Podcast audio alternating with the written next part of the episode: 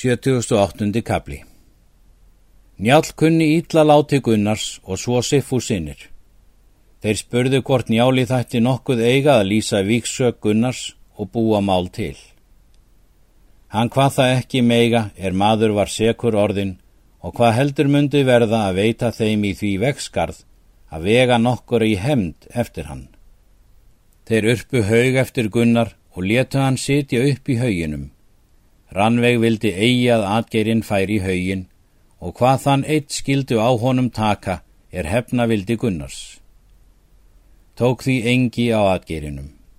Hún var svo hörð við Hallgerði að henni helt við að hún myndi drepa hana og hvað hana valdi hafa víi sonar síns. Stökk þá Hallgerður til grjótár og grani sonur hennar. Var þá gert fjeskipti með þeim skildi högni taka landa hlýðarenda og bú á, en grani skildi hafa leigulönd. Sá atbyrður varða hlýðarenda að smala maður og griðkona ráku fjö hjá haugi Gunnars. Þeim þótti Gunnar vera kátur og hveða í hauginum. Fóru þau heim og sögðu rannvegu móður Gunnars atbyrðin en hún bað þau fara til Berþórskóls og segja njáli.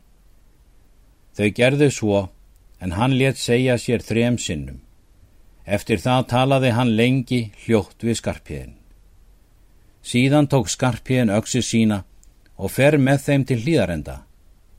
Þau högnu og rannveg tóku við honum all vel og urðu honum fegin mjög. Rannveg bað að hann væri þar lengi. Hann hétt því. Þeir högni gengu út og inn í afnan. Högni var maður vasklegur og vel að sér ger og tortryggur og þorðu þau fyrir því eigi að segja honum fyrirbörðin. Þeir skarpiðin og högni voru úti eitt kvöld og voru fyrir sunnan haug Gunnars. Túnskinn var bjart en stundum dró fyrir. Þeim síndist haugurinn opinn og hafði Gunnar snúist í hauginum og sá í móti túnlinu.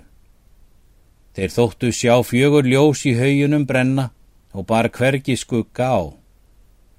Þeir sáu að Gunnar var kátlegur og með gleði bragði miklu. Hann hvað vísu og svo hátt að þó mátti heyra gjörla þó að þeir væru fyrr.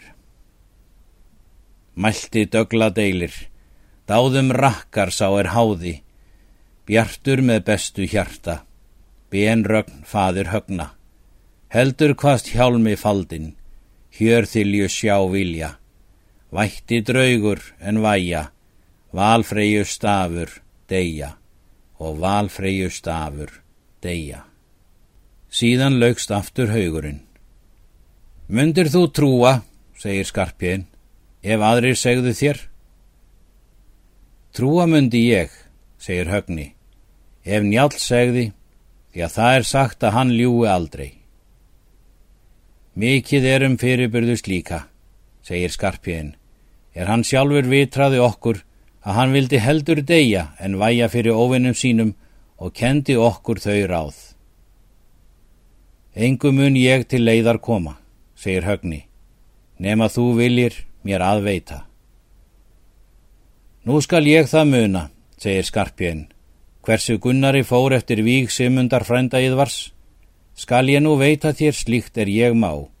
Hétt fadur minn því Gunnari, þar er þú ættir hlut að eða móður hans gengu þeir síðan heim til hlýðarenda.